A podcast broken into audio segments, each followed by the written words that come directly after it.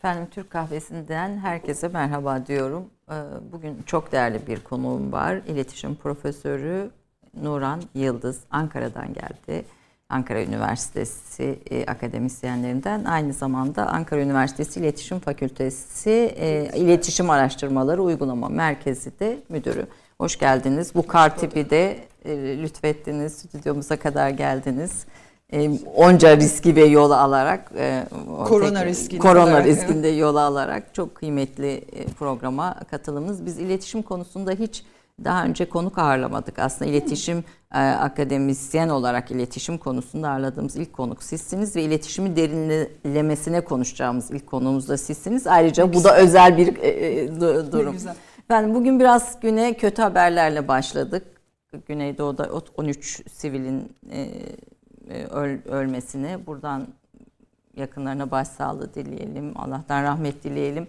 E, bugün İstanbul'u uzun süre yöneten ve büyük emek vermiş bir belediye başkanı, efsane belediye başkanıdır bence. E, Kadir Topbaş beyefendinin büyüğümüzün, abimizin diyebileceğimiz çünkü hepimizde de abilik yapmıştır e, cenaze töreni kalkacak. E, ona da Allah'tan rahmet ve yakınlarına başsağlığı dileyelim. Ve bir diğer taraftan kar tipinin arasında bir sevgililer günü, küresel bir şey de olsa hani e, bir sevgililer günü e, bugünün gene konularının içinde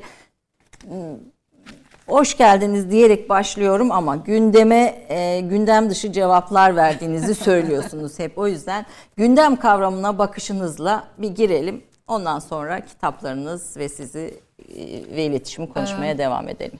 Gündem e, çok geçişken, çok yoğun ve çok e, akıcı bir şey. Dolayısıyla gündemi yakalamak, gündem üzerine konuşmaya başladığınız anda eskimiş oluyor.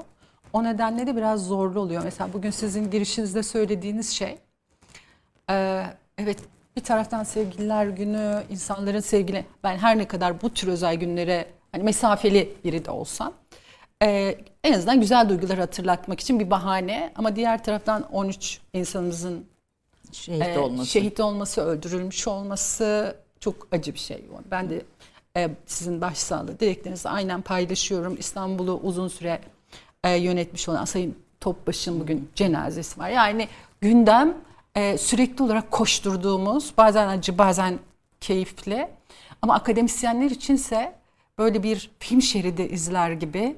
Dolayısıyla film şeridi iz, sinema izlediğinizde e, ekranın bütününe baktığınızda oradaki parçaları birleştirerek kendi gündeminizi oluşturmanız gereken, genel gündeme e, kendinizi kaptırmamanız gereken bir şey soğukkanlı durmak ve mesafeli durmak. Akademisyenler için evet. Yani tabii ki aslında günümüzde herkes için bu soğukkanlılık çok önemli. Çünkü sürekli olarak hep yeni bir şey.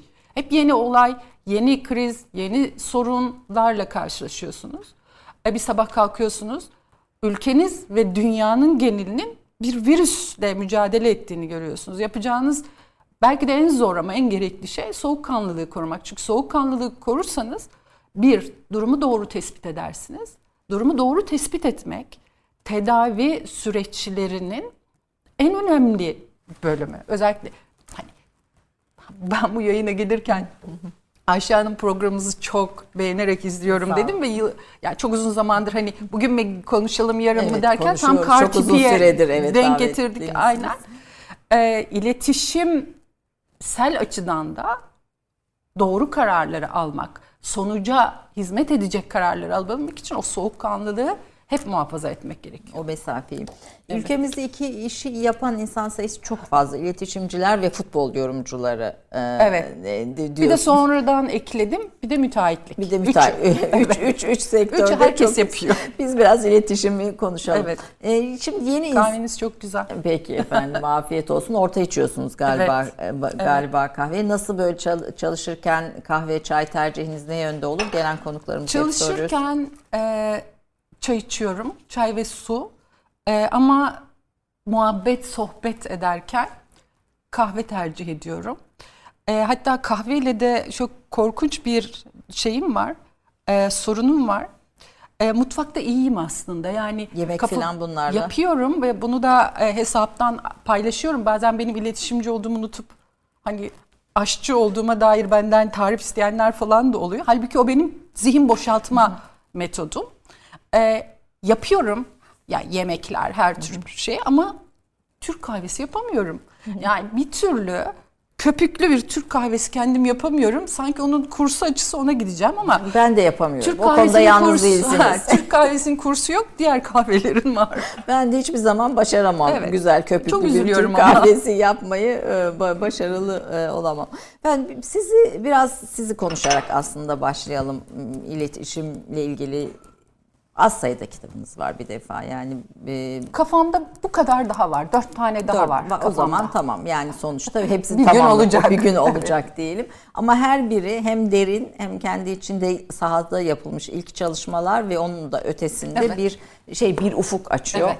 Ee, ilk, ilk kitabınızla Evet. başlayalım. İletişimci olmak tabii bizim e, bugün için çok popüler ama sizin karar verdiğiniz ve benim de karar verdiğim dönemlerde öyle popüler falan değildi. Değildi.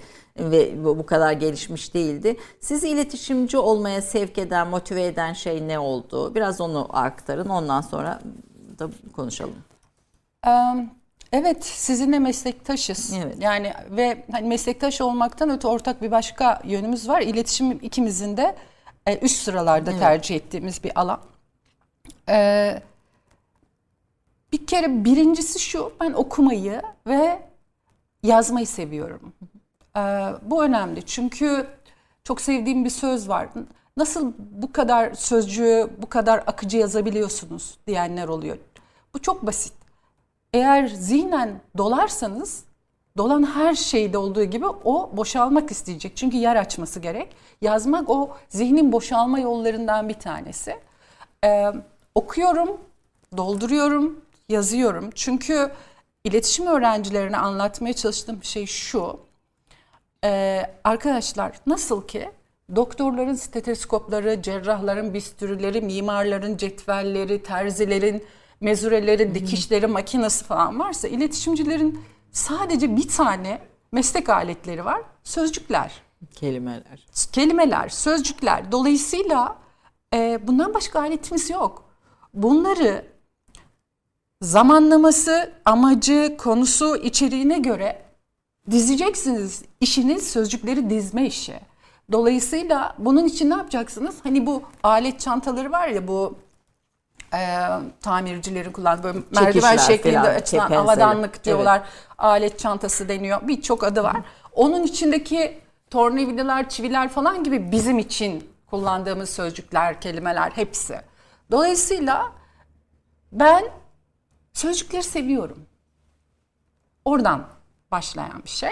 Bir de tabii ki bizim dönemimizi hatırlarsanız aslında mantıken çok değişmedi ama e, sözelcilerle sayısalcılar ayrılabiliyor. Benim zihin yapım sözele uygun. Daha sözel düşünüyorum ve yazıyorum. O nedenle de iletişim ki o dönemlerde biliyorsunuz e, gazeteler, televizyonlar falan böyle değildi ama gazeteler altın çağını yaşıyordu. Evet. en- bir gazeteci olmak, bir gazete bir muhabir olmak ya da bir köşe yazarı olmak. Köşe yazarlığı o zaman gazetecilikten de sayılmıyordu aslında. Muhabir olmaktı, gazeteci olmak. Ee, çok gıpta ettiğim bir şeydi. Ee, dolayısıyla da ilk tercih olarak Ankara Üniversitesi'ni yazmıştım ve hayatımda sanıyorum sevinçten ağladığım ilk ve de son gündür. Ee, birinci tercihimi kazandığımı gördüğüm gün. Bugün de birçok tercih eden iletişim ve daha çok e, Evet. öğrenci var. Çünkü saha çok. O zaman işte Ankara Tabii, Üniversitesi vardı, İstanbul Tabii, Üniversitesi vardı. Zaten çok azdı. Evet. E, iletişim neden okumalı konusunda ne söylersiniz? Neden iletişim okumalı e, bir öğrenci? Yani niye tercih etmeli? Yani sevmek, e, kelimeleri sevmek dışında. Ee, ben çok başka bir cevap vereceğim. Eğer iletişime tutkusu yoksa okumamalı zaten. Yani bu tutkuyla yapılabilecek bir şey. Eğer hakikaten ben bunun için doğdum demiyorsanız iletişim okumayın. Çünkü e, hayat daha teknik meselelere hakim olanlar, daha derin uzmanlaşmaları olanlardan yana ilerliyor. Oysa iletişim şimdi bakın medyaya, bütün medyaya bakın, te- görsel, geleneksel hepsine iletişimcilerin daha az olduğunu görüyorsunuz. Yani daha yeni teknolojiler devrede olduğu için dijital zeka ve mühendisliklerin ağırlıklı olduğu. O nedenle iletişim tutkunuz varsa iletişim okuyun ama onun dışında okumayın diyen biriyim ben. Bu, bu da bu işte bir tutku işi. Bu iş bir tutku işi. Bir tutku. Aslında bütün işler tutku işi. Yani siz eğer doktor olmak için tutkunuz yoksa sıradan bir doktor olacaksınız. Gidin ayakkabı tamircisi olun ama onu tutkuyla yapın. Bence bütün mesele bu. O derinleşme Evet. ve uzmanlaşma da Evet. orada Ne iş sağlam. yaparsanız yapın tutkuyla yaptınız. Yani mesela dikkat edin çok ünlü olan veya işte geçenlerde aldı Michelin yıldızı alanlara dikkat edin. Çorbayı adam tutkuyla yapıyor. Yani bizim için hadi karıştır, koy suyu, kaynadı. İçindeki şehriyesi mercimeği yumuşadı mı bitti. Al sana çorba yapmıyor. Yani böyle bir sanki Picasso'nun tablo belki Picasso tabloyu çizerken bile hani daha rahattı onun o çorbaya yapışından. Yani bu tutku işi bütün başarıların altında zaten bu var. Yani tutkuluysan onunla yatıyorsan onunla kalkıyorsan Bu iş oluyor mutlu diyorsun. oluyorsun evet. Efendim e, Nuran Yıldız Türkiye'nin e, iletişim konusunda duayenlerinden en önemli Teşekkür ederim. akademisyenlerinden birisi. E, Ünsal Oskay Hoca vardı Allah rahmet eylesin Evet. rahmetli olmuştur. E, Türkiye'de sahasında iletişim sahasında yetişmiş çok fazla sayıda akademisyenimiz yok maalesef. E, bu, bu, bu noktada çalışmalarının çok kıymetli olduğunu düşünerek bir kısa özgeçmişini izleyelim e, eserleri ondan sonra konuşmaya devam edelim. 30 saniye reklam arası. Türkiye'nin tek haftalık haber dergisi Gerçek Hayat, gündemi yakından takip ettiği dosya ve röportajlarıyla her pazartesi okuyucusuyla satış bayilerinin raflarında buluşuyor. Gerçek Hayat artık sayfalardan dijitale taşıyor. Sayfalara sığmayan yazılar, röportajların perde arkası, interaktif içerikler. Gerçek Hayat artık size daha yakın. Tüm içeriklerden ilk haberdar olmak istiyorum diyenler. Gerçek Hayat, GZT'nin sosyal medya hesaplarına davet ediyor. Reklam arası sona erdi. Ankara Üniversitesi İletişim Fakültesi öğretim üyesi ve İletişim Araştırmaları Uygulama Merkezi Müdürü olan Profesör Doktor Nuran Yıldız Ankara'da doğdu. 1988 yılında Ankara Üniversitesi Basın Yayın Yüksekokulu'ndan mezun oldu. Ankara Üniversitesi Sosyal Bilimler Enstitüsü'nde bir halkla ilişkiler yöntemi olarak siyasal reklam başlıklı teziyle yüksek lisans yaptı. Doktora derecesini mülkiyeden Ankara Üniversitesi Sosyal Bilimler Enstitüsü Siyaset Bilimi ve Kamu Yönetimi Anabilim Dalı'ndan Siyasal Partilerde Lider İmajları başlıklı teziyle aldı. Bu tez, siyaset ve imajlar konusunda Türkiye'de yapılan ilk doktora tezidir. Tezin bir başka önemi ise 2002 seçimlerinden çok önce Liderler, İmajlar ve Medya ismiyle kitap olarak basıldığında Recep Tayyip Erdoğan'ın lider imajı gücünün habercisi olan ilk çalışma olmasıdır. 2007 yılında Türk Silahlı Kuvvetleri'nin iletişimini akademik olarak inceleyen ilk kitap olan Tanklar ve Sözcükleri yazdı. 2013 yılında ise iş, siyaset ve aşk kavramları çerçevesinde yeni zamanların karakterini ortaya koyan ve çok satanlar listesine girmiş olan Aşk Yüzyılı Bitti kitabını yazdı. Sabah ve Habertürk gazetelerinde iletişim yazıları yazdı. Televizyonlarda siyaset ve politika programları yaptı.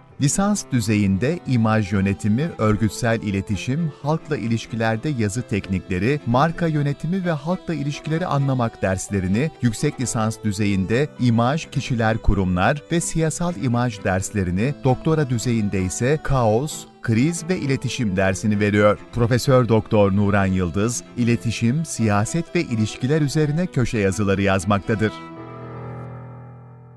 böyle var mıdır böyle ilk kitap hani ilk ilk şey gibi böyle evlat gibi böyle bir özel bir yeri var mıdır bu kitabın Evet. liderler imajlar ve medya ve sahasında yapılmış Evet. ilk çalışma ondan önce hiç liderlerin imajları e, iletişim üzerine bir çalışma yazma, yazılmamış mı? Ya bu doktora tezi düzeyinde yok. Yani çeşitli anılar, hikayeler, makaleler düzeyinde birkaç tane var. Ama onun ötesinde bir doktora tezi olarak yok. Hatta e, bu doktora tezini mülkiyede yaptığımda e, danışman hocalarım bile e, ya hani imaj konusuna girmek lazım mı? Hani siyaset daha başka bir şey derken ben bir de onun mücadelesini vermiştim. O zaman önemli bir siyasetçi şunu söylemişti. İyi de hocam yani siz bu konuyla ilgileniyorsunuz. Türkiye'ye biraz erken gelmişsiniz demişti. Ben de ama gelmiş geldim dedim yani. Geldim ve daha sonra ben bu tezi yazdım, bitirdim. Sonra kitap oldu. Şimdi ben daha az imajlar konuşuyorum. Daha çok başkaları konuşuyor. Bu da benim hoşuma gidiyor. Evet, o günden e, e, daha o zaman AK Parti iktidarı yoktu yani Yoktu. artık kurulmamıştı bile Yoktu. zaten E, ama daha sonra kitaba bir Erdoğan bölümü ekle- Ekliyorum, evet, eklediniz, ekledim. eklediniz galiba ama o günden de liderlik işaretlerini gördüğünüzü söylüyorsunuz. Evet. Onun e, özel yanı şu, daha çok e, merkez sağ e, liderleri inceleyen bir doktora teziydi bu. E, ama biraz önce ilk sorunuz vardı ya hani gündem. E, kitabı e, yayınına hazırladığım süreçte Türkiye'de, dünyada da öyle aslında gündem çok yoğun ve hızlı değişiyor. ve o dönem e, işte Kemal Derviş'in Türkiye'ye kurtarıcı gibi transfer edildiği diyorum ben, geldiği. Ee, daha sonra işte Recep Tayyip Erdoğan bir ismi var ve bu isim e, önemli konuşmalar yapıyor ama medyanın geneli tarafından siz daha iyi hani kurucu olduğunuz için o süreci daha iyi hatırlayacaksınız. Çünkü ben bunu anlattığımda bazı insanlar nasıl ya öyle günler oldu mu diyorlar. Şimdi tanığım sizsiniz. E, medyanın genelinde Tayyip diye söz edilirdi. Evet. Ben bunu kitapta tırnak içine koymuştum zaten. Dolayısıyla o hatta bugün bile bu önemli bir örnek olduğu için özellikle siyasal iletişim ve iletişim yönetimi özellikle seçmen iletişiminde e, medyayı başrole koymayın anlatmaktan yoruluyorum. Çünkü başrole medyayı koymayın. Çünkü medya e, seçmen davranışlarını etkilemekte e, genelin düşündüğü gibi işlemiyor diyelim. Dolayısıyla o günde e, medyanın geneli Tayyip diye dışladığı süreçte e, Recep Tayyip Erdoğan siyaset basamaklarını çıkmaya başlamıştı ve ben e, önemli bir lider olacağını bunun da karizmasıyla ilgisi çünkü imajlar konusunda doktora tezi yazıyorsanız karizma önemli bir başlık. Karizmanın oluşturulması, kendiliğinden sizde olan bir karizma, bunun üstüne sizin kattıklarınız vesaire. Ee, katılın, katılmayın, beğenin, beğenmeyin ama siyasette önemli, getirisi olan diyelim önemli. Önemli kavramlardan biri ve Erdoğan da o süreçte, o merdivenin çıkışında ben bu, bu doktora tezini yazmış biri olarak, bilimsel olarak bunun ipuçlarını gördüğüm için kitaba sonradan eklemiştim. Ve bu kitap çıktığında daha 2002 seçimleri falan olmamıştı. Olmamıştı, evet. O nedenle o zaman bana hadi canım diyorlardı. Olmaz. Hani sen yanlış biliyorsun. Bu karizma nereye kadar? Ee, hani Erdoğan tamam bugün gelir yarın gidebilir. Bu, hani bence sen bunu kitaba koyma. Hani bu kadar bunun üstünde bu kadar önemli bir figür haline getirme diye epey bir Ele- eleştiri- eleştiri a- aldı Burada ama Demirel yazdığım gibi oldu. Ee, Türk siyasi hayatında en karizma olarak isim bırakmış liderler sıralaması yapsanız kimi koyarsınız? Yok. Yok. Türk siyasetinde e, bildiğimiz yani gerçekten e, akademik bilgi çerçevesinde e, ben Mustafa Kemal'i bir yana bırakıyorum kurucu e, liderimiz olarak. Çünkü onun karizması tartışmasız bir karizma. E, ama günümüze sirayet etmiş bugünkü politikacılar işte Demirel'lerden bakarsanız ben buna İsmet İnönü'yü de dahil ediyorum. Hepsinin farklı iletişim özellikleri var. Mesela Demirel'in o e, seçmenle, halkla, vatandaşla kurduğu iletişim başka bir şey. Daha yoğun, daha sıcak bir şey ama karizma değil. Karizma Erdoğan'da var. Evet. Yani Daha karizmatik biri gelince ancak gide- gidebilir. gidebiliriz yani, evet. o, o arada Evet. o arada Evet, o- yani. yani. Menderes falan onları da o karizmanın içine dahil etmiyor. Etmiyorum, Özal etmiyorum. Özal'ı da etmiyor. O Özal zaten hiçbir zaman karizmatik olmadı. Özal'ın e, daha popülist ve karizma ile popülizm çok farklı şeyler. Mesela tamam e, Cumhurbaşkanı Erdoğan'da karizma var. Zaman zaman sarsılıyor. Ben bunları da yazıyorum. e, karizma Ve var. da e, yani e, iletişim sürecini eleştiren de birisiniz. Sen Ben bunun ile da hayata iletişimden bakarım. Bakın, yani evet. insanları sevip sevmemekten, ideolojilerini destekleyip desteklememekten bakmam. Evet. Ben bir iletişim hocasıyım. Onun için altını çizelim istedim. Maalesef iğrenç iletişim hocalarından biriyim. Yani insanlara duymak istediklerini değil, duymaları gerekeni Evet. anlatmak ve yazmaktan asla vazgeçmiyorum. Bunu faturalarını ödüyorum, ödüyorum. Ee, yani insanlar genellikle etraflarında kendilerini pohpohlayacak insanları tercih ediyorlar ki bu en büyük körleşme nedeni. Liderler için özellikle. Liderler için, ya bu sadece için, siyaset değil, kurumsal her- işte yani, yöneticiler evet. için dediğim her düzeyde e, etrafınızda sizi iyi hissettirecek. Tabii ki buna da ihtiyaç var. Ben de isterim etrafımda ay ne şahanesin bugün ne kadar ay ne kadar güzel konuştun diyen birileri istemem ama onların işi başka. Ama bir de bana duymam gerekenleri söylemesi gerekenler var. Onlar başka. Ben hep o hani akademiye duyduğum saygıyı hep muhafaza ettim. Etmeye de çalışıyorum. Faturalarını ödüyorum dediğim bu. Evet. Ya çok keskin konuşuyorsun diyorlar. Üzgünüm ama ben sizin anneniz değilim yani. Size şefkat duymak durumunda da değilim. Ben bir hocayım. Bu budur. Dolayısıyla bu karizma konusunda da e, herkes karizmatik olmak zorunda değil. E, karizma ile popülizm karıştırılıyor. Popülizmle karizma aynı şey değil. Dolayısıyla e, Özal daha popülist bir liderdi. Daha sevimli, daha sıcak. İşte hatta çok meşhurdur. Şortuyla Evet, asker karşılığı. asker denetleyen falan. Yani o başka bir şey. Karizmatik bir insan şortla asker denetleyemez yani. O baş o mes, karizma mesafe demek çünkü. Mesafe başka ne katıyorsunuz karizmaya analiz Ee, ederken? zorlukları başarmak. Mesafe, zorlukları başarmak. Bakın dikkat edin. Ee, Recep Tayyip Erdoğan kaç yıldır yaşıyor? Doğum tarihini ben şu an hatırlamıyorum. Evet. Ama uzun. Evet. Ee, ne zamandan itibaren lider olarak kabul görmeye başladı? Çıktı. Ee, Siirt'te bir şiir okudu. Şiir okudu ve okuduğu şiire bakarsanız e, bir meydan okumaydı aslında bu. Mevcut düzene bir meydan okumaydı. Meydan okumayı kim yapabilir? Zoru göze alanlar yapabilir. Onun karşılığında işte başına ne gelebilecek o gün için söylüyorum. Gelecekleri göze alabilmek yani zoru başarmak. İnsanlar işte dur ya ne oluyor? Niye diyor? Ne Bütün dikkatleri bir açıyorsunuz. Sonra Pınarhisar'a giriyorsunuz. Bunları niye bu kadar ayrıntılı biliyorum? Çünkü bu kitapta yazdım Evet. hepsini. Pınarhisar'a giriyorsunuz. Ee, Pınarhisar'a giren daha e, düşük profilli bir Erdoğan'dan Pınarhisar'dan çıkan, bu şarkı burada bitmez de çıkan daha yüksek profilli ve daha meydan okuyucu. Ben defalarca yazdım. Erdoğan'ın siyasi iletişim söyleminden meydan okumaları çıkartın. Üstüne konuşacağınız çok fazla bir şey çıkmaz. Mesela benim e, çok üstünde durdum. Dünya beşten büyüktür. Çok önemli bir tespit ve slogan. Ben herhalde bin tane Birleşmiş Milletler eleştirisi yazdım. Son dönemde de yüz tane Dünya Sağlık Örgütü eleştirisi yazdım. E, çok önemli bir meydan okumaydı o da. Yani küresel düzeyde önemli bir meydan okuma. Dolayısıyla karizmada bir, bu meydan okuyucu ve zoru başarıcı dil, üslup, iş. iş önemli. Sadece söylemde kalırsanız üç adım atabilirsiniz. Beş adım atamazsınız. Ee, önemli. Ee, ve bazı iletişim becerileri de gerekiyor.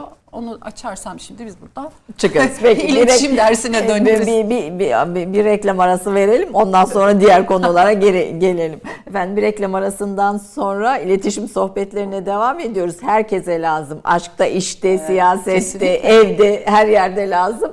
Ee, bekliyoruz efendim reklam dönüşü sizleri de.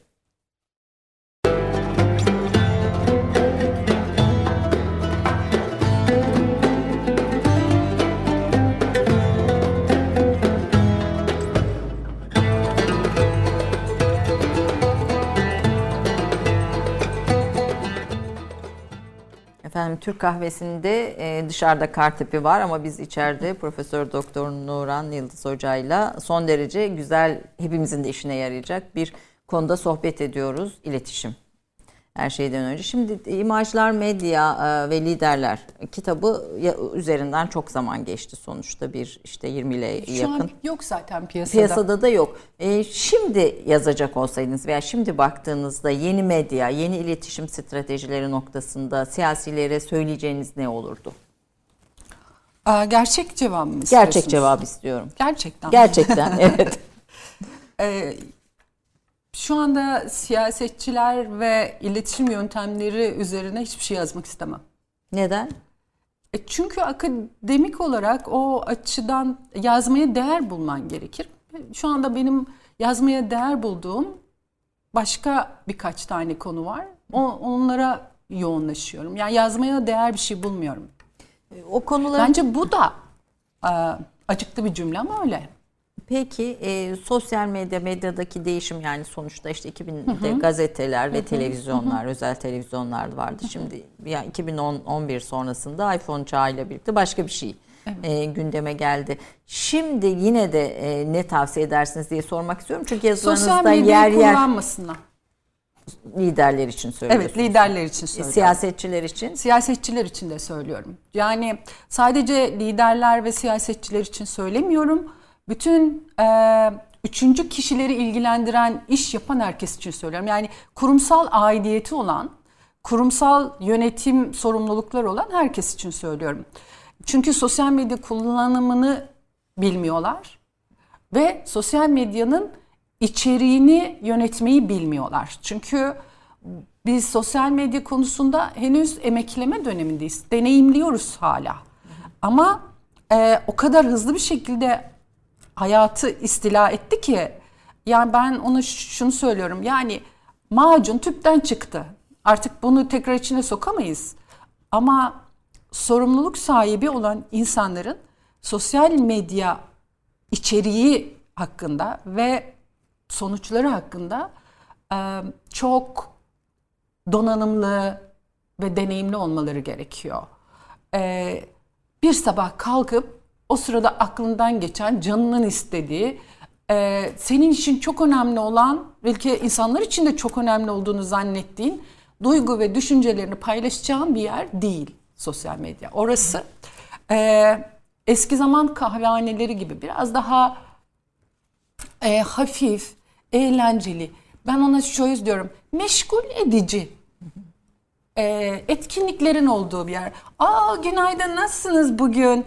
Ya da ya bu bilmem ne pahalı, bu bilmem ne ucuz. Böyle biraz daha hani İngilizcesinde biraz daha light dediğimiz e, konuların ortamı. Ama e, bizim ülkemizde bu sosyal medyayı kullanmasınlar anlamında değil. Yani bunu çok yanlış anlayanlar da var. Tam tersine doğru kullanırsanız etkilerini görürsünüz. Ama bir kere sosyal medyada sizi takip eden Twitter'da, Instagram'da fark etmez. Herkesi sizin destekçiniz veya size oy verecek veya Seçmen. sizi evet arkanızdan gelecek kişiler olarak görür ve konumlar ve oradan bir takım ciddi bilgileri, önemli şeyleri paylaşmaya kalkarsanız problem yaşarsınız ki zaten neredeyse sosyal medya krizini yaşamadığımız bir an yok ya gün kalmıyor. Yani yüksek mahkemelerimizden birisinin biliyorsunuz bir üyesi bir açıklama yaptı. Pencerelerin ışığı ile ilgili. Ben ondan büyük tesadüf ki herkes bu tesadüfün altını çizdi. Bir iki gün önce kimler sosyal medya kullanamazın içinde hakimler, yargıçlar, öğretmenler mesela. Öğretmenler. Ben evet Instagram hesabı kullanıyorum ama Instagram hesabımı öyle oradan öğrencilerime eğitim verecek bir içerikte kullanmıyorum. Dolayısıyla onu kendi eğlenceli, meşgul edici doğası içinde ve beklentilerinizi de bununla sınırlandırarak yapabilirsiniz. Onun ötesinde ciddi bir sonuç ama ülkemizde maalesef takipçi sayılarıyla seçmen sayılarını karşılaştıran insanlar var büyük trajedi yani. Bu, bu sükûtu hayalle sebep olacak. Sonra da hep şaşırıyorlar. Hep nasıl yani diyor ya beni 10 milyon takip ediyordu 10 tane. Hani bu şey gibi filmin adını hatırlamıyorum. Şener Şen'in hani bu oy kimin o bir tane oy çıkmış. Benim oyum nerede hikayesi. Yani oradaki siz takipçi sayınızla seçmen sayınızı bir çıkarımda bulunuyorsanız Çok acıklı bir haldesiniz demek. Ee, yazılarınızda dinleme özellikle liderlerin yani de, liderler derken sadece Evet. siyasetçi kastetmediğimizin Evet. altını çizelim. Çünkü siyaset konuşmak istemiyorum. Evet, evet, evet, altını çizelim yani işte de her yerdeki Evet. liderlerin e, daha çok dinlemesi gerektiğini yeni insan, Evet. yeni zaman, yeni birey, e, yeni toplum hani bütün bu yeni ilişkiler ve bu değişim üzerinden biraz da konuşalım isterim. Ee, Ayşe Hanım, ben orada dinlemek eğiliminden gidersek e, sadece siyasetçiler ve yöneticiler diye ayırmıyorum. E, gündelik ilişkilerde, bireysel yani iki kişilik ilişkilerde, iletişimde, her düzeydeki iletişimde en önemli eylemin dinlemek olduğunu hep söylüyorum. Mesela bana diyorlar ki işte siz iletişim okudunuz, okutuyorsunuz. Bin yıldır yapıyorsunuz bu işi. Bana bin yıl gibi geliyor. Bin yıldır yapıyorsunuz. İletişime dair bize bir cümle söyleseniz ne söylersiniz? İletişimin en önemli eylemi dinlemektir.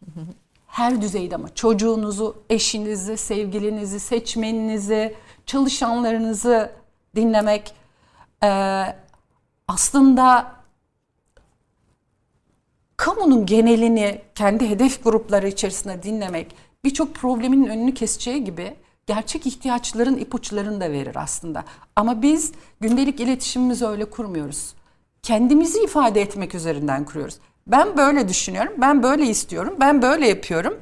Bu konuda benim çözümüm bu gibi. Senin Kend- ne düşündüğünde çok umurumda Senin ne değil. düşündüğün ancak benim sana verdiğim izin kadar. Dolayısıyla ben ben ben ben de bunlar hep şöyle diyorum. Benlerden kurulu bir ordu içinde yaşıyorsunuz. Ve daha da vahimi pardon da sen kimsin? Yani artık her şeyin değiştiğini kabul ediyorsun. Her şeyin değiştiğini. Yeni insan, yeni zaman, her şeyin her değiştiğini şey. kabul ediyorsun. Kendinin de değişmen gerektiğini kabul etmiyorsun. Sen dışındasın bu değişimlerin. Böyle bir dünya olabilir mi? Ama dikkat edin. Değişimden ve gelecekten söz ediyorsak o gelecek hep bir gün gelecek. Hiç gelmiyor. Biz değişmiyoruz Ha, çünkü. Değişimde de biz biz biz hariç herkes değişsin. Böyle bir, ya bu bir yanılsama. O yüzden eğer iletişimin birinci önemli eylemi dinlemeyi her düzeyde başarırsak o kadar çok krizden kurtuluruz ki ve ben şöyle diyorum mesela iletişim sihirli bir şey. Doğru iletişim sihirli bir şey. İstediğiniz sonucu alırsınız. Ama bunun gereklerini yerine getireceksiniz. Önce hedef grubunuz sevgiliyseniz sevgiliniz, anneyseniz çocuğunuz. Patronsanız İşveren. iş ve işçileriniz ya da tüketicileriniz. Yani hedef kitlenizi dinliyorsanız o zaten sizden ne istediğini artık böyle sessiz kaşıyla gözüyle de değil. Bağırarak anlatıyor. Sosyal medyadan anlatıyor. Hani dinlemek deyince de illa kulağa devreye sokmayın. Bütün metinler yani sosyal medya metinleri, medya metinleri, gündelik hayatın metinleri, kaldırım taşları size hep bir şey anlatır aslında. Etrafınız, çevreniz. Evet bir iletişimci gibi baktığınızda bu binaya girerken binanın konumu, dışı, merdivenleri, sizi karşılamaları her şey bir metindir aslında. Siz yeter ki dinleyip okumayı biraz daha e, öne çıkarın. Birçok sorun çözülür. Birçok sorun çözülür. Değişmek mümkün mü peki? Yani şimdi işte yeni zamanlar üzerine yazıyorsunuz, yeni birey üzerine yazıyorsunuz. Mesela yeni zamanda her ittifak bozulmak üzere kurulur. En çok güldüğüm şeylerden biri sürekli her gün televizyonları açıyoruz. O kadar sıkıldım ki. Onun için kimse izleyen varsa kusura bakmasın. Hani politika programlarına davet edenlere hayır deme nedenim bu. Herkes politikayı o kadar çok biliyor. Herkes çözümlere o kadar hakim. Öyleyse bu sorunlar niye yaşanıyor?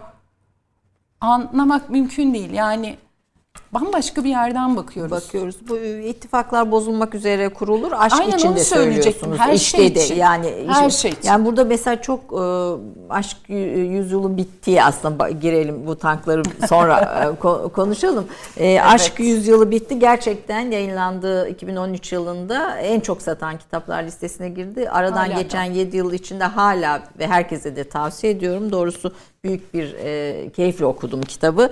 Aşkta işte siyasette yeni zamanlar. E, bir bu kitabı yazma sebebinizi bir- birçok röportajda da söylüyorsunuz ama e, bir biraz o kopan bağlar üzerine e, konuşarak başlayalım. Bu yeni zamanları anlamak, idrak etmek nasıl bir şey ve buna göre değişmek dediğimiz şey ne? Ee, biraz bunun altını çizelim. Bu arada e, Nuran Yıldız'ın Instagram hesabı gerçekten çok hoş paylaşımlar oluyor. Mesela bugünkü paylaşım Cemal Süreya, e, Tommy Suyar aşkı üzerine ve e, aşklara da e, soruyorsunuz yani gerçekten ne istediğin Aynen. konusunda son derece e, güzel e, uyarılar, sözler, e, edebiyat zevki tabii bir, bir şeyin içinde. Evet, e, bir de hayata iletişimden bakıyorum ve insanlar da hayata iletişimden bakarlarsa daha nitelikli bir hayat yaşarlar diye düşünüyorum. E, ya da başlarına gelen şeylerin neden başlarına geldiğini en azından ta- çözebilirler ya da anlayabilirler. Deminki sorunuza biraz önceki cevaptan devam edersek, evet e, bu bütün televizyon programlarında her akşam şunu görüyorsunuz. İşte A partisi ile B partisi ittifak kurar mı? C partisi buna girer mi? D partisi ne yapar? Bu ittifak ne kadar sürer? Bunlar kopar mı? Böyle bir şey ben anında zaplayıp geçiyorum. Çünkü bu kadar kısır bir muhabbet ki. Eğer siz 2000 sonrası siyaset ve bireyle ilgili bilgiye sahipseniz her türlü ittifakın, her türlü sözleşmeye dayalı ittifaklar dahil her yani mahkemeleri bakarsanız hem ticari hem asli hem Boşanma, boşanma hepsi. hepsine bakarsanız bütün ittifaklar zaten kurulduğu an itibaren itibarıyla e, bozulmaya mahkum. Ya bugün A partisiyle B partisi dersiniz, ertesi gün bir de bakarsınız A C partisiyle e, bu neredeydi? Bazıları da şunu söyler ve ben hakikaten deliriyorum öyle bir durumda. Ben bunu size söylemiştim. Yani bu şöyle bir futbol maçı 3 ihtimalli der kadar komik bir şey bu. Yani tabii ki bir, bir futbol maçı 3 ihtimalli olur. Dördüncü ihtimal maçı iptal etmeleridir zaten. Dolayısıyla e, geçen gün bir arkadaşımla konuşuyorum. TÜİK verilerine baktık. Her yıl boşanma oranları evlenme oranlarını kat kat aşıyor. E, evlilik de bir ittifak sonuçta.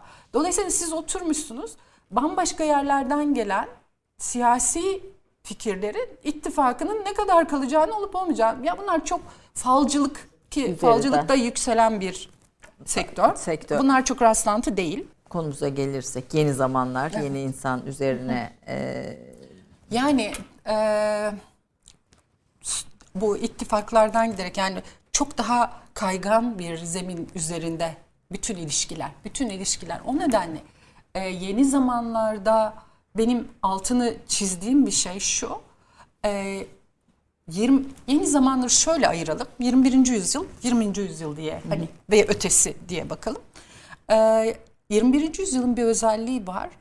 Eee, sizin 20. yüzyıla kadar edindiğiniz bilgilerin neredeyse tamamını çöpe atıyor. akıl dışı diyorsunuz zaten yani. Akıl Tamamını dışı çöpe atıyor. Yeni bir Akıl bilgi üretiyor. yok daha doğrusu. Yeni bir bilgi üretiyor. Yeni bir bilgi üretiyor. Bir taraftan yeni bilgiyi üretiyor. Bunu sadece e, işin uzmanlarının hizmetine sunuyor. Akıllı devreye sokanların. Diğer taraftan da akılla davranış arasındaki bağı koparıyor. Akılla davranış arasındaki bağı kop- kopuşun e, mecburen yapıyor çünkü bu küreyi çevirmek için sizin tüketim davranışlarınıza etki edilmesi gerekiyor. Tüketim davranışlarınıza dikkat ederseniz biraz yakından bakarsanız akıl devreye girdiğinde temel ihtiyaçlarınızı alırsınız. Ama aklı devreden çıkarttığınızda neden aldığınızı bilmediğiniz bir şeye sahip olursunuz. Ee, Dolayısıyla bu aklı devre dışı tutmak ki aslında buna daha postmodern tartışmaların içerisinde değiniyoruz. Ee, aklı devrenin devre dışında bıraktığın zaman ortaya birkaç tane önemli sözcük çıkıyor. Bir, eylem sözcüğü çıkıyor. Sen ne yapıyorsun? Ne yapıyorsun? Yaptığın kadar varsın. Niye? Çünkü benim için en önemli e, bilgilerden biri artık göz, göz, görme beynin yerini alıyor. Görerek karar veriyoruz. Bütün sosyal medya bununla dönüyor, televizyon içerikleri bununla dönüyor, eee, moda sektörü bununla dönüyor. Siyasi iletişim çalışmaları, ortamların hazırlanmasından liderlerin merdivenleri çıkıp inip giyimi, davranışı, ailesi falan bütün bunlar sizin gözünüz bana bak. Bana bak. Ne dediğime değil. Bana bak stratejisi ortaya çıkıyor. E bütün bunlar aklı daha geriye iten bir şey oluyor. gözü yönetebiliyorsan merdivenleri hızlı çıkıyorsun. Tamamen göz e, üzeri. Tamamen gerçekte de demeyelim. gerçekte de onu söyleyeceğim şimdi. bu Tamamen evet yani demeyelim. bu, bu bir imaj. Yani bu bir imaj. Evet. İmaj ama arkada gerçekte böyle mi oluyor her Ama şey? bunu yöneten de bir mekanizma var. Arkada da demin söylediğim 21. yüzyıl bilgisini Onu e, söyledim, heh, evet. 21. yüzyıl bilgisini kullanabilen yani burada önemli olan şey bu. Siz dünyayı, Türkiye'yi, şirketinizi, evinizi yönetmek istiyorsanız artık 21. yüzyıl bilgisine sahip olmanız gerekir. Dün e, havalimanında eski bir tanıdıkla karşılaştım ve bana şunu söyledi. Benim çocuğum 11 yaşında. 11 yaşındaki çocuğum beni dinlemiyor. Neden? Çünkü şunu yapıyor, bunu yapmasını istiyorum, yapmıyor. Neden? Çünkü sen senin bilgin senin annen ve babandan gelen bilgi. Daha 20. yüzyıla dayanan bir bilgi. Bu çocuk yeni yüzyılın çocuğu. Hani kitapta okurken Z kuşağı demeyi biliyorsun. Z kuşağının özellikleri var. Bunlar çok farklı demeyi biliyorsun. Ama evde ona annenin sana davrandığı gibi davranıyorsun. Bir de kadim olan yani hep korunan, hep nakleden şeyler yok mudur peki burada? Kadim olan, hep nakleden. Yani Tabii ki var. Anne, annenin davrandığında da aktarılması gereken. Tabii ki var ama burada yöntemler farklı artık. Yani eskiden anne söyler, çocuk yapar. Yapmıyorsa da isyancı çocuk olurdu. Ama şimdi annenin söylemesinin bir karşılığı yok. Anne söylediği şeyi çocuğun ya da baba söylediği şeyi çocuğun anlamak ve algılamak istediği kılıfa sokmak zorunda. Yani çocuğum sen bunu yapın artık bir hükmü yok. Nasıl Ama- bir kılıf bu peki? Heh. Ama çocuğu işin içine dahil eden yani o bireyi onu biliyorsunuz. Benim şöyle bir ifade var. Benim çocuğum çok zeki. Hayır senin çocuğun çok zeki değil. Bütün o yaş grubundaki çocuklar zeki zaten. Dolayısıyla sen çocuğum zeki diyorsun. Aslında çocuklar zekiler. Niye? Çünkü anne karnından hamilelik süreçlerinden itibaren her şey değişiyor. Kimi müzik dinletiyor, kimi yürüyüşe çıkarıyor vesaire. Yani bildiğimiz tip bir hamileliği bile yaşamıyorlar. Doğum süreçleri ve sonrasındaki ilişkiler. Ondan sonra çocuğa kendi deneyimlerinle iletişim kuruyorsun.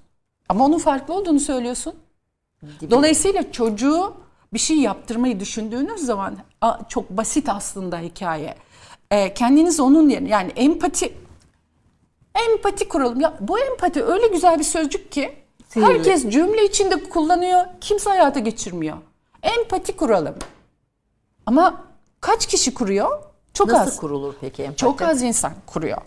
Ee, cümle içinde kurmayı seviyoruz, kullanmayı seviyoruz, hayata geçirmeyi sevmiyoruz. Çünkü empati sizin konforlu alandan çıkmanızı gerektirir. Sizin alışkanlıklarınızı bırak. Onun gibi düşünmek, onu anlamak ve biraz önce söyledik ya onu dinlemek ki onu anladığınız zaman ihtiyaçlarını doğru tahmin edebilir ve o ihtiyaçlara cevap veren cümleler kurabilirsiniz.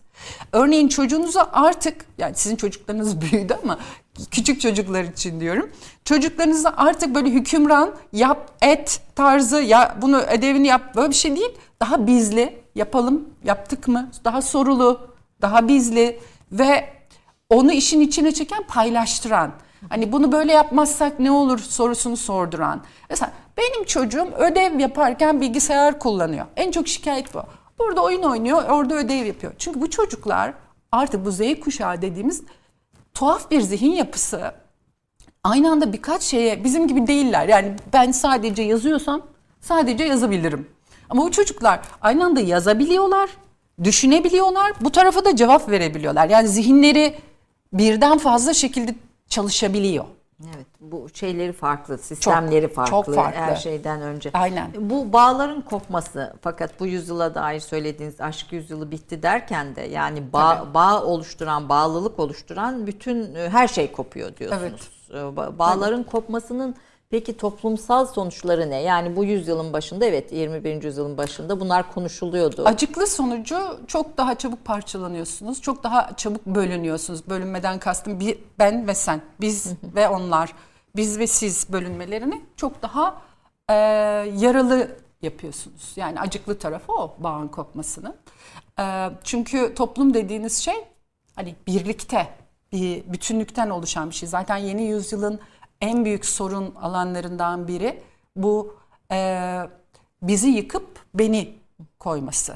Beni koyduğun zaman ortaya ve hayata benden baktığın zaman ben ve ötekiler oluşur. Ben ve ötekiler oluşunca zaten sen kendi kendine parçalanmışsın demektir. Biraz pazar için ağır bir muhabbet olabilir ama e, oradan başlıyor. Hatta bütün sistem size bunu anlatmak için kuruluyor. E, diyor ki sen kendine bak, kendini düşün, Kendini sev. kendini sev. E, hatta ben bunu espriyle kendin pişir, kendin zıkkımlan durumundaki gibi. Yani kendin, kendin, kendin, kendin hep sen e, sonra bir süre sonra bakıyorsun ya hep kendim için yapıyorum. Ötekiler nerede? Halbuki biz öyle bir şey değil. Biz birlikte yaparız, birlikte yeriz. Mesela hep e, şikayetler şuradan gelir. Bayramlarda insanlar eskiden aileler bir araya gelirdi. Şimdi Allah bu sene korona yüzünden gidemedi birçok insan ama kayakçılar hariç. Ona çok kızmıştım ben. Ee, bayramlarda aile bir araya gelir. Bir yemek bayram masasının etrafında toplanırdı. Şimdi herkes tatile gidiyor. Çünkü neden? Ben ve benim ailem diye düşünüyorsun. Büyük aile o kadar e, devreye sokmuyorsun. Halbuki geçen hafta sanıyorum, geçen hafta değil iki gün önce e, Cumhurbaşkanı Erdoğan'ın bir ifadesi vardı. Bizim bazı eksiklerimiz var diye. Aslında bu eksikler ben ve biz arasındaki tercihlerle ilişkili bir eksikti. Yani evet doğru bir saptama ama bazen çözüm için saptama yetmiyor. Devamını getirmek gerekiyor. Ge- Devamını getirmek gerekiyor, doğru bir şekilde getirmek, getirmek gerekiyor. gerekiyor devamında. Evet. Peki. E, aşkta işte siyasette bir de karakter aşınmasından Ya orada bir şey söylemek ediyor. istiyorum. Bu aşk yüzyılı bitti deyince bazen okur e, kitaba açmadan hü- hüküm veren okur ya aşk biter mi? Ben aşığım. Aşk ben. Ben aşkın bittiğinden söz etmiyorum.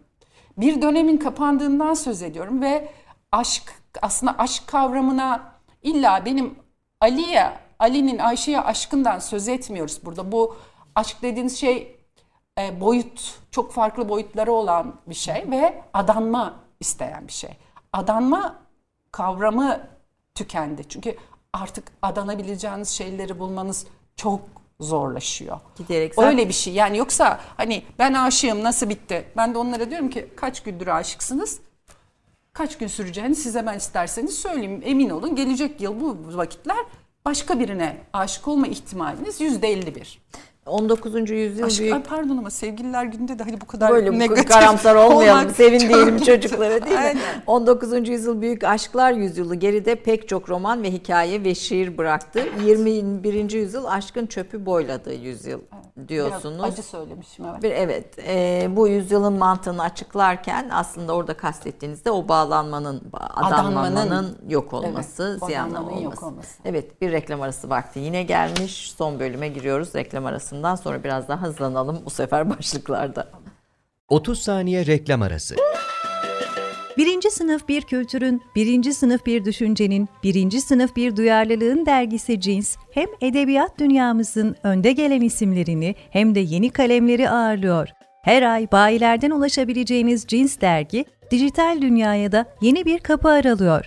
Sayfalara sığdıramadığımız kıymetli yazılar, merak ettiğiniz yazarlarla cins sohbetler, dergiden ekrana yansıyacak röportajlar ve tabii podcast. Şimdi sizleri Cins'i tüm sosyal medya mecralarından ve gezete.com adresi üzerinden takip etmeye davet ediyoruz. Reklam arası sona erdi. Efendim Türk kahvesinde iletişim konuşmaya devam ediyoruz ama daha girizgah yapabiliriz ancak bizim süremiz içinde değil mi? Bu, bu konuların hepsi çok derin. Arada konuştuklarımızdan bile çok önemli. Ya aslında oradaki derin ama benim sıkıntım şu. İletişim sözcüğünü herkes bildiği için e, herkes iletişim kurmayı da bildiğini zannediyor. Halbuki bu şey gibi lahana gibi ya bu iç içe açtıkça çoğalan bir şey. E, genellikle bizim toplumumuzda karıştırılan şey e, sözünüzü kestim çok pardon. Konuşmakla konuşabilen herkes iletişim de kurduğunu zannediyor. O yüzden de etrafımız çene ishali kaynıyor. Herkes konuşuyor. Aa, Hani dinlemenin önemi de biraz oradan gidiyor. İletişim kurmak başka bir şey. Konuşmak başka bir şey. Peki iletişim yönetimi, imaj e, oluşturulurken e, bu savrulma, bu bağımsızlık, Savrulma güzel bir söz. e, yani sürüklenme yine Sürüklenme, sizinle mi? E, tutarsızlık ona bu e, bir, bir, bir, bir noktada nerelere konacak yani nasıl yönetilecek yani sanki daha zor gibi geliyor bu dönem imaj yönetimi bir taraftan da e- egolar var bir taraftan işte sizin söylediğiniz görünme isteği göz, göz ve görüntü ön planda e, filan hani bütün bunlarla bir imaj yönetmek yani imaj Ya- yönetimi herkes için geçerli aynı zamanda. Evet ama e, daha zor değil. Daha bilgi odaklı diyelim. Yani eğer e, demin söyledik ki hani doğru alet edevatınız varsa iyi bir usta olarak işinizi iyi yapabilirsiniz. E, imaj yönetimi ya da iletişim yönetimi daha anlamlı bir kavram. Yani eğer iletişimi yönetir, yönetirken kendinize dair dünyaya daha önemlisi çünkü artık bileşik kaplar gibi oldu. Evet.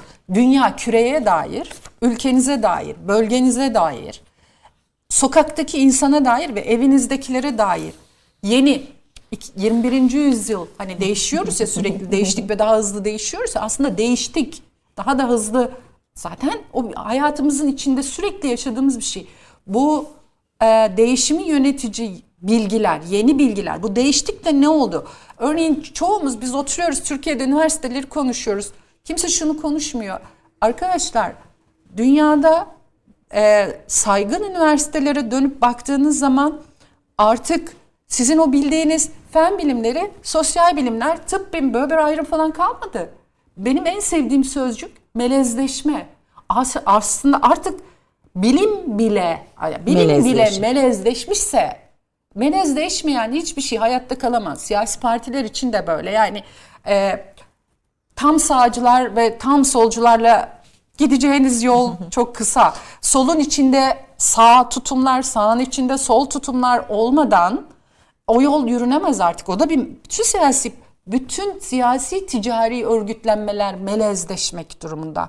Bütün karakterler melezleşmek durumunda. Dolayısıyla bu yeni bilgiden Bu biraz baktığınız zaman kaygan böyle bir zeminde ortaya koymuyor mu fakat? Ee, tabii ki zaten karakteri bu dünyanın. Hatta Bauman şöyle diyor. Herkes o kadar ince bir buz tabakası üzerinde ki bu buz tabakası her an kırılabilir. Kırılmaması için de sürekli kayman gerekir üstüne. Yani daha da hızlanman gerekir gibi.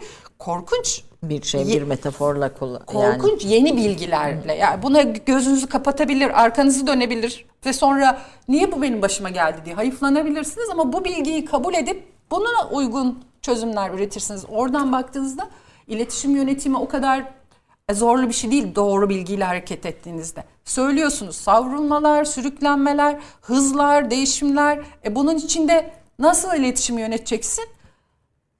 kendi hayatınıza dönüp baktığınız zaman o hızın, o telaşın, o sürekli değişimin içinde ne istiyorsunuz aslında birey olarak?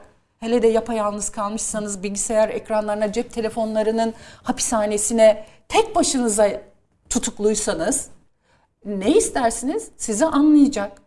Korkma, sana bir şey olmayacak diyecek insanlar istersiniz. Bence e, en siyasi alanında, ticari alanında en büyük boşluklarından birisi bu. İnsanlar buradan bağırıyor. Diyor ki ben çok korkuyorum. Yarın ne olacak bilmiyorum. Başıma ne gelecek bilmiyorum. Birisi bana bana güven desin. Birisi bana korkma desin. Yani bir sakinlik, bir tutarlılık, bir sükunet hali. Yani ben sizin programınızı niye seviyorum? Reklam arasında söyledim. O sükunet hali. Çünkü insanlara güveni telaşlı, hızlı, gergin kurumlar ve kişiler veremez. O sakinlik ve sükuneti koruyan evet o çözer. O derken bir kişiyi bahsetmiyorum. Bir Kişiler ve kurumlar, kurum, evet. örgütler hepsi için söylüyorum. Bu bugün Türk Silahlı Kuvvetleri, tanklar ve sözcükler burada olduğu için Türk Silahlı Kuvvetleri olur, siyasi iktidar olur, muhalefet partileri olur, bir X holding olur fark etmez. Anne baba olur aile kurumu içerisinde. Bu insanların kendi çevrelerine dikkat edin. Değer gören herkes bu mesajları veren kişilerdir.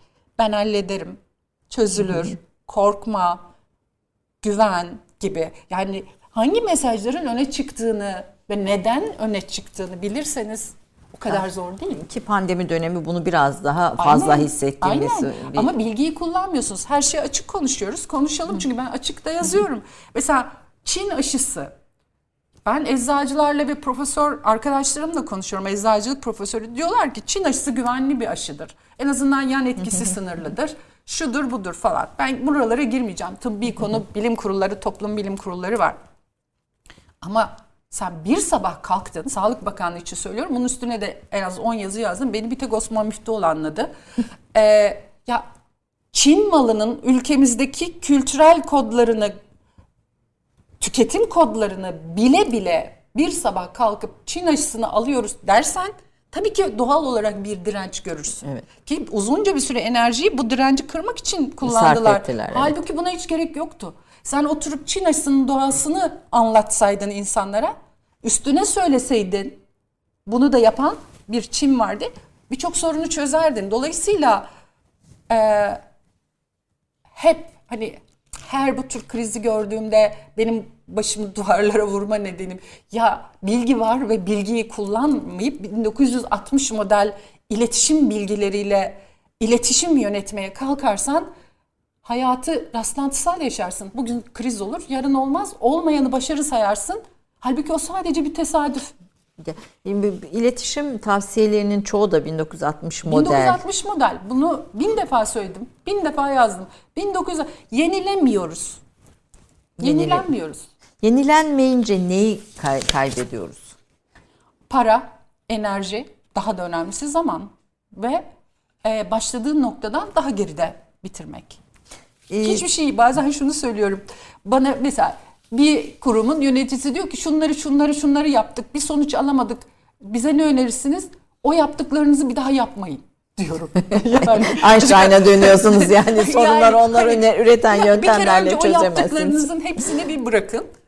Çünkü yeni bir şey yapmanız lazım ama bunun için de önce anlamanız lazım. Hani o içselleştirme deyin. Çünkü anlamazsan yaptığında bile gece kondu tarzı yaparsın. İşe yaramaz. Evet. Önce anlamak sonra yapmak.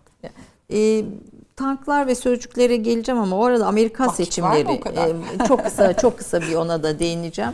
Ee, aşk yüzyılı bittiği tavsiye ederek bi- bitirelim. Aa, Aşkla işte ederim. siyasette özellikle okuyucuya yeniden tavsiye edelim. Her daim okunacak kitaplardan birisi. Zamansız şimdi bir moda tabiri var ya zamansız diye. Zamansız kitaplardan birisi. Ee, Amerika seçimleri üzerine de yazıyorsunuz. Tabii orası imaj Hep yönetim. iletişimden yazıyorum. İletişimden yazıyorsunuz. Orası da imaj yönetiminin şahının yapıldığı bir yer e, sonuçta. Yani kongre işgali ve sonrasındaki e, o imajlara, zihnimizdeki parçalanan imajlara ve yeniden kurgulanmaya çalışan imajlara mesela işte Biden'in konuşmasındaki biz vurgusuna filan ilişkin de yazdınız. Çok kısa bir zihnimizi açmak, ufuk açmak noktasında bir yorumunuzu isterim. Bunu kısa biraz zor tabii. Çünkü e, bir Amerika var insanların zihinlerinde ta ki o e, baskına kadar. E, ya bütün dünyada bir güç gösterisi sergileyen ve kendini de o güçten besleyen bir Amerika var ve ben defalarca söyledim ya bu uzaylılar hep Amerika'ya iner e, veya dünyanın herhangi bir yerini uzaylılar işgal eder ama Amerikan askerleri gider Kurtarır. kurtarır falan. Çünkü bu bize Hollywood ve diziler üzerinden yerleştirilmiş bir imaj ama aynı Amerikalılar Washington'un merkezinde bir sürprizle karşılaştılar. Yani bir bak biz sabah baktılar ki işgal edilmişler. Yani o bu şöyle bir şey.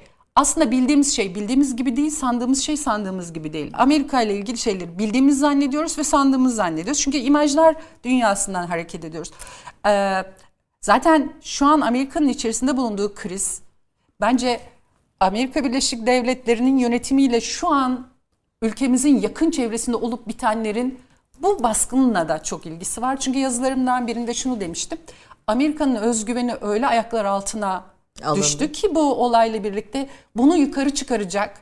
Bakın ben hala buradayım ve güçlüyümü gösterecek bir takım e, etkinlikler ve umarım umarım korkunç ve kötü olmasın ama sonuçta büyük şeylerin peşine düşeceğini çünkü bu öyle bir imaj yönetimi. Amerika şunu yapar. Çünkü bu imaj yönetiminin e, literatür olarak da beşiği olan bir ülkeden söz ediyoruz. Bu işi çok yani Türkiye'de Türk Silahlı Kuvvetleri'nin iletişim yönetiminde 5 kişi bilemediniz 10 kişi çalışıyorsa Amerika'da 3000 5000 kişi çalışır. E, psikologlarından psikiyatrlarından sosyologları her her düzeyin en iyileriyle çalışırlar bir mutfakta. Dolayısıyla onlardaki yapı şudur. imajları ya da iletişimi yönetirken bizdekinin tam tersidir. Bizde çok ilkel bir şekilde bütün kurumları dahil ediyorum buna. Bütün kurumları dahil ediyorum. Neyi göstereceğimize odaklanırız. Bak buna bak, bak buna bak. Oysa Amerika e, neyi göstermeyeceğine odaklanır. Neden ülkemizin etrafında işler çevirmeye başlayacak ve başlıyor? Çünkü o o gün yaşananları göstermemesi ve unutturması gerekiyor. Yani yaptığı şey bu. Dolayısıyla bütün iletişimi ve Biden'ın e, konuşmasına dikkat edersen Amerika'nın biraz önce söyledim ya insanlar değişiyor ve yeni farklı bir mesaj istiyor dediğimizde dikkat ederseniz e, biz duygusunu öne çıkaran, o eski Amerika'yı geri çağıran, tamir ki benim için çok sihirli sözcük ve önemli bir sözcük. Yıkıp yakan değil kendi toplumuna ve aslında dolaylı olarak dünyaya tamir kavramını kullandı. öne çıkaran yani biz bazı şeyleri düzelteceğiz gibi e, mesajlarla öne çıkan bir Biden. Bunu yaparken ne yapıyor? Dikkat edin Biden fotoğrafların hani göz öne çıkıyor ya. E, onun yeni dünyayı anlamakta belki zorlanacağı bir yaş diliminde olmasının önüne geçen fotoğraflar, mesajlar, hileler kullanıyorlar. Siz orada gösterilene bakmaktan yaşını görmüyorsunuz. Evet mesela eşinin yaptığı kurabiyeleri Ne askerlere kadar sevimli dağıtması değil mi? gibi. Ne evet. kadar sevimli ve hepimizin içine işleyen, aa ne hoş o anne, anneanne, nine bisküvileri dağıtılıyor falan. O bisküviler yapılanların önüne geçiyor. E, tabii de Kamala faktörü var orada yani. Yani tabii, başka tabii. bir şey, başka Daha bir da fazla. Sadece Kamala değil, e, e, ekibin tamamını e, bence iletişim yönetimi konusunda e, iyi isimlerden oluşturdu. İstihbaratın başına getirdiği de iletişimi çok iyi bilen biri. İletişimin başına getirdiği de öyle. Obama döneminin iletişimcilerini göreve getirdi. Bence Biden'ın ekibine biraz yakından bakarsak hep cinsiyetleri görüyoruz. Aa daha kadın yoğunluklu diyoruz ama bunların neredeyse dörtte üçü iyi iletişim geçmişlerinden gelen isimlerden kurdu. O yüzden biraz imajlar savaşı tanık olacak olacağız. yeni dönemin Başladık için. bence. Tabii biliyorsunuz 2. Dünya Savaşı'ndan kalan son kişilerden birisi olarak Biden gösteriliyor. Yani, Ama böyle biz birisi- bunu görmüyoruz Biz tabii ki. bunu görmüyoruz. Yeni Amerika'nın Bisküvileri, kurabiyeleri görüyoruz. Evet. Ee, Ama çok Dünya Savaşı, profesyonel. pardon, Ya ben bir iletişimci Savaşı olarak- diyorum, İkinci Dünya Savaşı. İletişimci olarak yani çok yakından bakıyorum ve evet yani bilgi kullanmak böyle bir şey. Evet. Peki tanklar ve sözcükler doğrusu Türk ordusunun medya siyasete spin etkisi başlığı. Doğrusu e, kelimesinin devamı da şöyle. Okurken e, aslında 2007'de yazılmış bir kitap olmasına rağmen çok faydalandım. Son derece de güncel buldum. Bir taraftan da tabii kendi hikayemin içinde e, e, de çok parçasını bulduğum bir nostalji de oldu. Çünkü bu kitap tamamen e, haberler, gündem, açık istihbarat Evet. yani açık bilgiler üzerine ve akademik bilgileriniz üzerine kurgulanmış bir kitap. Türk ordusunun e, medya ve siyasete spin etkisi üzerine iletişim açısından Türk ordusunu inceleyen ilk çalışma. Evet. Yani Evet. bu, bu da bana çok en- ilginç geldi. Yani bu konuda hiçbir çalışmanın yapılmamış olması. Ee, bir Çok defa hani bu ilginç. bunu yazmanız, bu yazma süreciniz ve bunun sonunda e, ortaya çıkarttığınız ve siz- sizin altını çizmek istediğiniz şey nedir? Ve bugün baksaydınız. Açık konuşalım değil evet, mi? açık konuşalım. Siz olduğunuz için ben de açık Evet, konuşuyorum. buyurun. Açık yazıyorum, açık konuşalım. Açıkçası ben iki tür akademisyen olduğunu düşünürüm, inanırım da. Bir, e, kendisinden önce üretilmiş bilgileri yeni gerçeklere göre yeniden dizayn eder, yeni eserler sunduğunu e, söyler.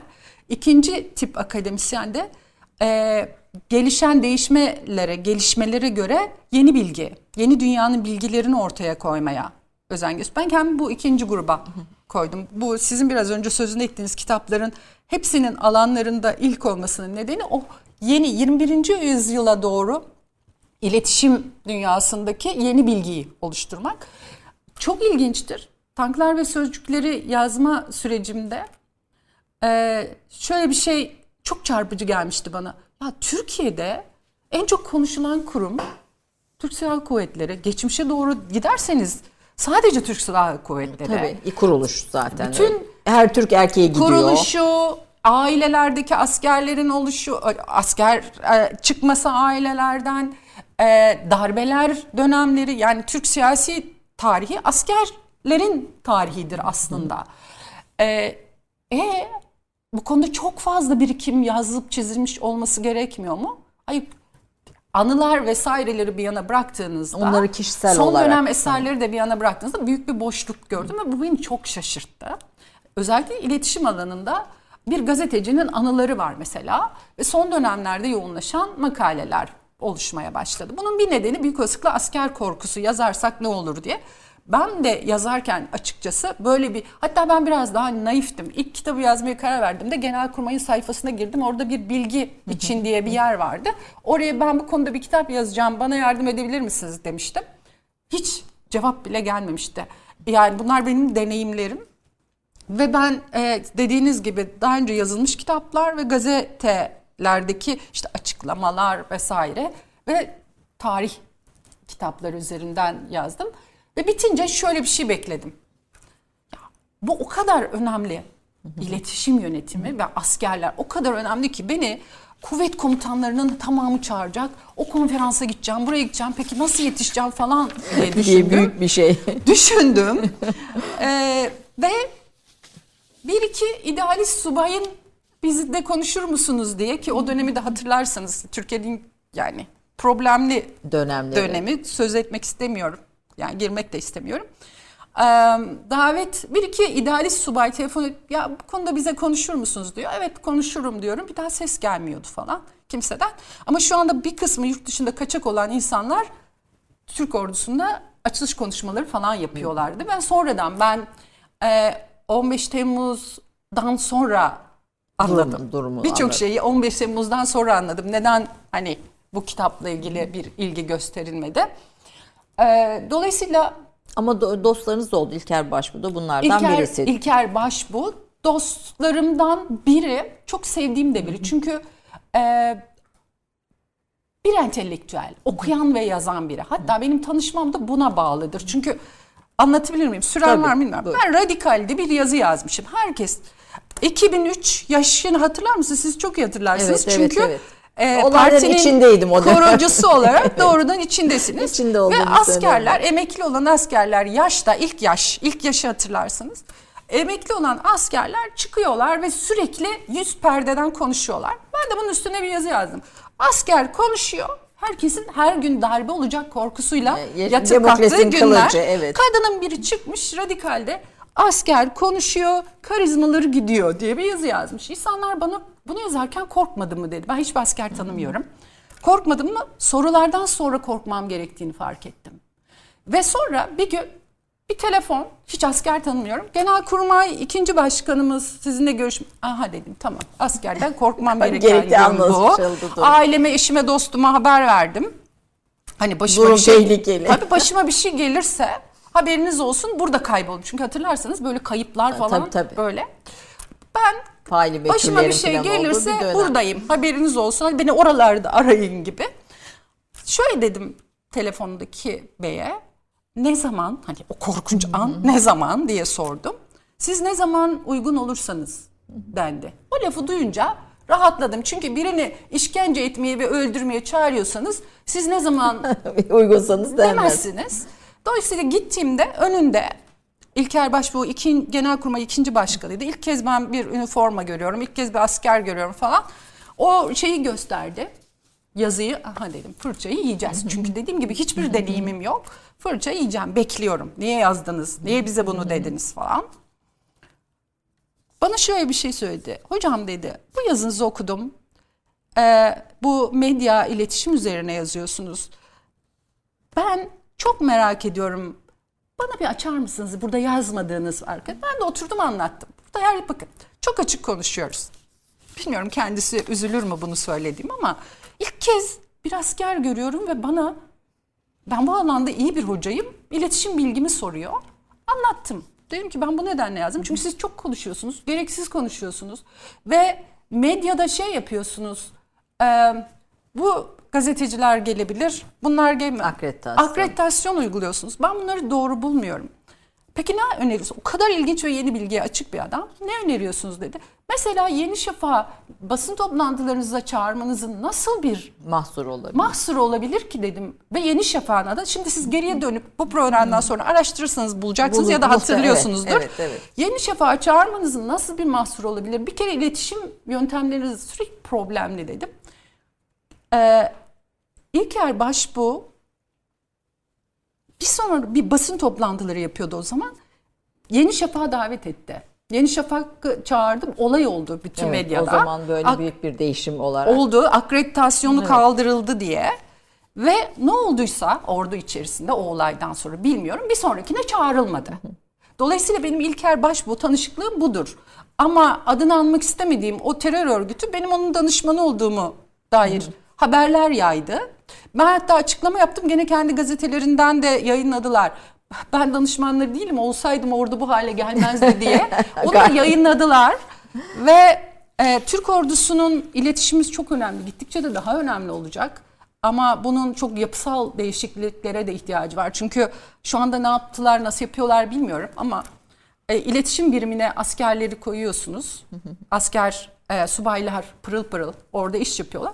Sonra iki sene sonra tayinin çıktı diyorsun. Ona o deneyim ve birikim ve bilgiyle e, doğuya, batıya bir yere gönderiyorsun. Bu kez yepyeni, sıfırdan yeni insanlar o birimlerde çalışıyorlar. Onlar yeniden öğreniyorlar falan. Aslında orada çok daha yapısal, kurumsal değişikliklerin olması gerekiyor.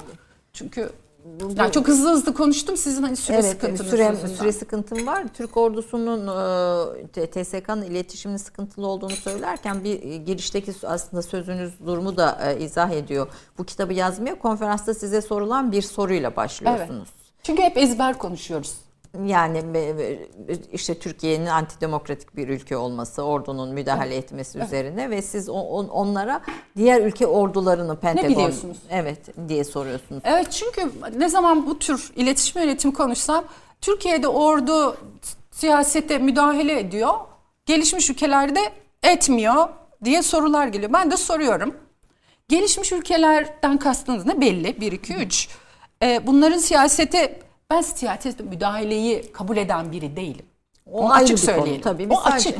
Ama siyaset bilimi doktoruyum. Yani güçlüler vardır, güçsüzler. Ordunun gücü nereden gelir? Silaha sahip olduğu için gelir. Dolayısıyla o iktidar, o silaha dayalı iktidar kendi gücünü kullanmak ister. Bunu batıda, gelişmiş ülkelerde nasıl yapıyorlar? Usturuplu. Ne yapıyorlar? Daha iletişim yönetimi üstünden götürüyorlar. Daha geriye çekiliyorlar. Ama mesela Hollywood'da e, Pentagon'un onaylamadığı e, herhangi bir film çekme ihtimaliniz yok. Onlar ne yapıyorlar? Bu soft power dedikleri başka yollarda. Mesela Amerikan Kongresi'nde bütçe onaylanırken Pentagon bütçesini öyle herkes çok rahat iyi geldi onaylayalım demiyor. Onu Pentagon getiriyor siyasetçi. Ama bu o kadar güzel anlatılıyor ve güzel yapılıyor ki gündelik hayat bunu fark etmiyor. Ama bizde öyle değil. Biz iletişim yönetimini bilmediğimiz için şu andan bahsetmiyorum. Şu anda işte başka hatalar var. Yani sosyal medyayı yanlış kullanıma kadar başka hatalar var. Bizde ne yapıyorlardı? Ben bunu isterim, bunu yapmayın, bunu etmeyin. Böylece doğrudan demokrasiye ve siyasete müdahale eden söylemlerle götürüyorlar. Dolayısıyla bu görünürdü, öbürü görünmezdi. Hani biraz önce söylediğim şey. Ee, görünür yönetimler, görünmeyen yönetimler. Bunların hepsi başka taktikler Amaçlar. ve zor Ama işler. e, bu kitabı da bulabilirseniz ben böyle bir sahaflardan filan buldurdum. E, Aslında tavsiye o ediyorum. var, yani o iki kere basıldı e, o var. Meraklılarına da tavsiye eden e, son derece ufuk açıcı ve e, imaj imaj imaj yönetimi konusunda da fikir verici bir şey e, bir kitap. E, süremizin sonuna geldik. Gerçekten? Gündelik yaşamda imaj yönetimi konusunda e, ne söylersiniz diyerek kapatalım. Bir de tabii sevgililer günü diye bir başlığı başta koyduk ama e, ne, sevgililere ne önerirsiniz diyelim. İki tane şey öneririm. Bir, e, değer verdiğiniz insanları dinlemeyi öğrenin. Dinlemeyi öğrenin. Değer verdiğiniz insanları e, kendiniz gibi olun. Kendiniz olun. Bu, bu dünyada işinizi en kolaylaştıracak şey. E, bir de ihtiyacınız yoksa satın almayın. Tüketmeyin diyorsunuz. Evet, tüketmeyin. Ee, bu e, yüzyılın ilerleyen dönemlerinde, 20. yüzyılın daha ilk başındayız. İlerleyen dönemlerinde bizi bekleyen yeni insanı bekleyen e, zamanlarda neler var? Sürekli kriz. Ben e, hani Amerika'nın istihbarat bu kamuoyuna açık olduğu için söylüyorum. Hani ben bir yerlerden biliyor değilim. E, sanıyorum 2005'te yayınlanmış istihbarat raporlarında ki bence herhalde açık olduğuna göre herkes bilsin istiyorlar. E, önümüzdeki 20-30 yıl dünya kaos içerisinde olacak diyorlar. Ben daha uzun olacağını düşünüyorum. E, bu yeni teknolojiler çok daha kolaylaştırıyor ve e, nereden geleceğini bilemiyoruz artık. Mesela Covid'de olduğu gibi. Dolayısıyla e, her krizi çözmek yerine çünkü çözmeniz çok zor. Çünkü sizden kaynaklanmıyor. Bireysel olarak da ülkesel olarak da her krizin peşinden koşup enerjinizi ona harcamak yerine bu büyük bilgiye bakarak dünya madem krizler dünyası olacak öyleyse her krizde dayanıklı ve ayakta kalabilecek şekilde donanmak gerekiyor. Hem karakter olarak hem bilgi birikimi olarak. Bu, bu, bu sihirli bir şey oldu, tavsiye oldu diyelim. Yani en azından anlamayı kolaylaştıran. Pek değil ama açmak için zamanımız yok. Evet, evet, Anlamayı kolaylaştıran bir tavsiye Yani oldu. siz haz- her duruma hazırlıklı olup daha az kırılgan politikalar Olmayı. geliştirmeniz. Yani kişiye özel, ülkeye özel iletişim stratejileri yerine ilkesel stratejiler belirlemelisiniz ki durumlar değiştiğinde manevranızı rahat yapabilin. En azından bu, bu, bu esnekliğe e, Evet. hazır olun. Galiba yeni yüzyıl giderek esneyecek. E, Es- esniyor, evet. Esniyor, giderek esniyor. Efendim çok çok teşekkür ediyorum. Ben teşekkür Zahmet ettiniz, geldiniz ve bilgilerinizi bize böyle bir miktar süremiz el verdiğinde izleyicilerimizle paylaştınız. Bunlar da çok kıymetli bilgiler. Belki e, uzun vadede tekrar konuk etmekten büyük Kar şeref olmasın onurdur. ama karlı bir gün olmasın. Efendim Türk kahvesinde bugün aslında iletişim üzerine düşündük. Kuş bakışı. Kuş bakışı böyle bir dolaştık ne oluyor ne bitiyor diye ama çok kıymetli bilgiler e, eşliğinde galiba hepimizin e, yeniden e, aile ilişkilerinden başlayarak liderliğe kadar çünkü yeni liderlik de bugün sizin başlıklarınız arasında vardı. Ben de onu konuşalım istiyordum ama vakit kalmadı. Birçok şeyi yeniden gözden geçirmeye vesile olur diyorum. Dinlediğiniz için çok çok teşekkür ediyorum. Ee, güzel günler olsun efendim.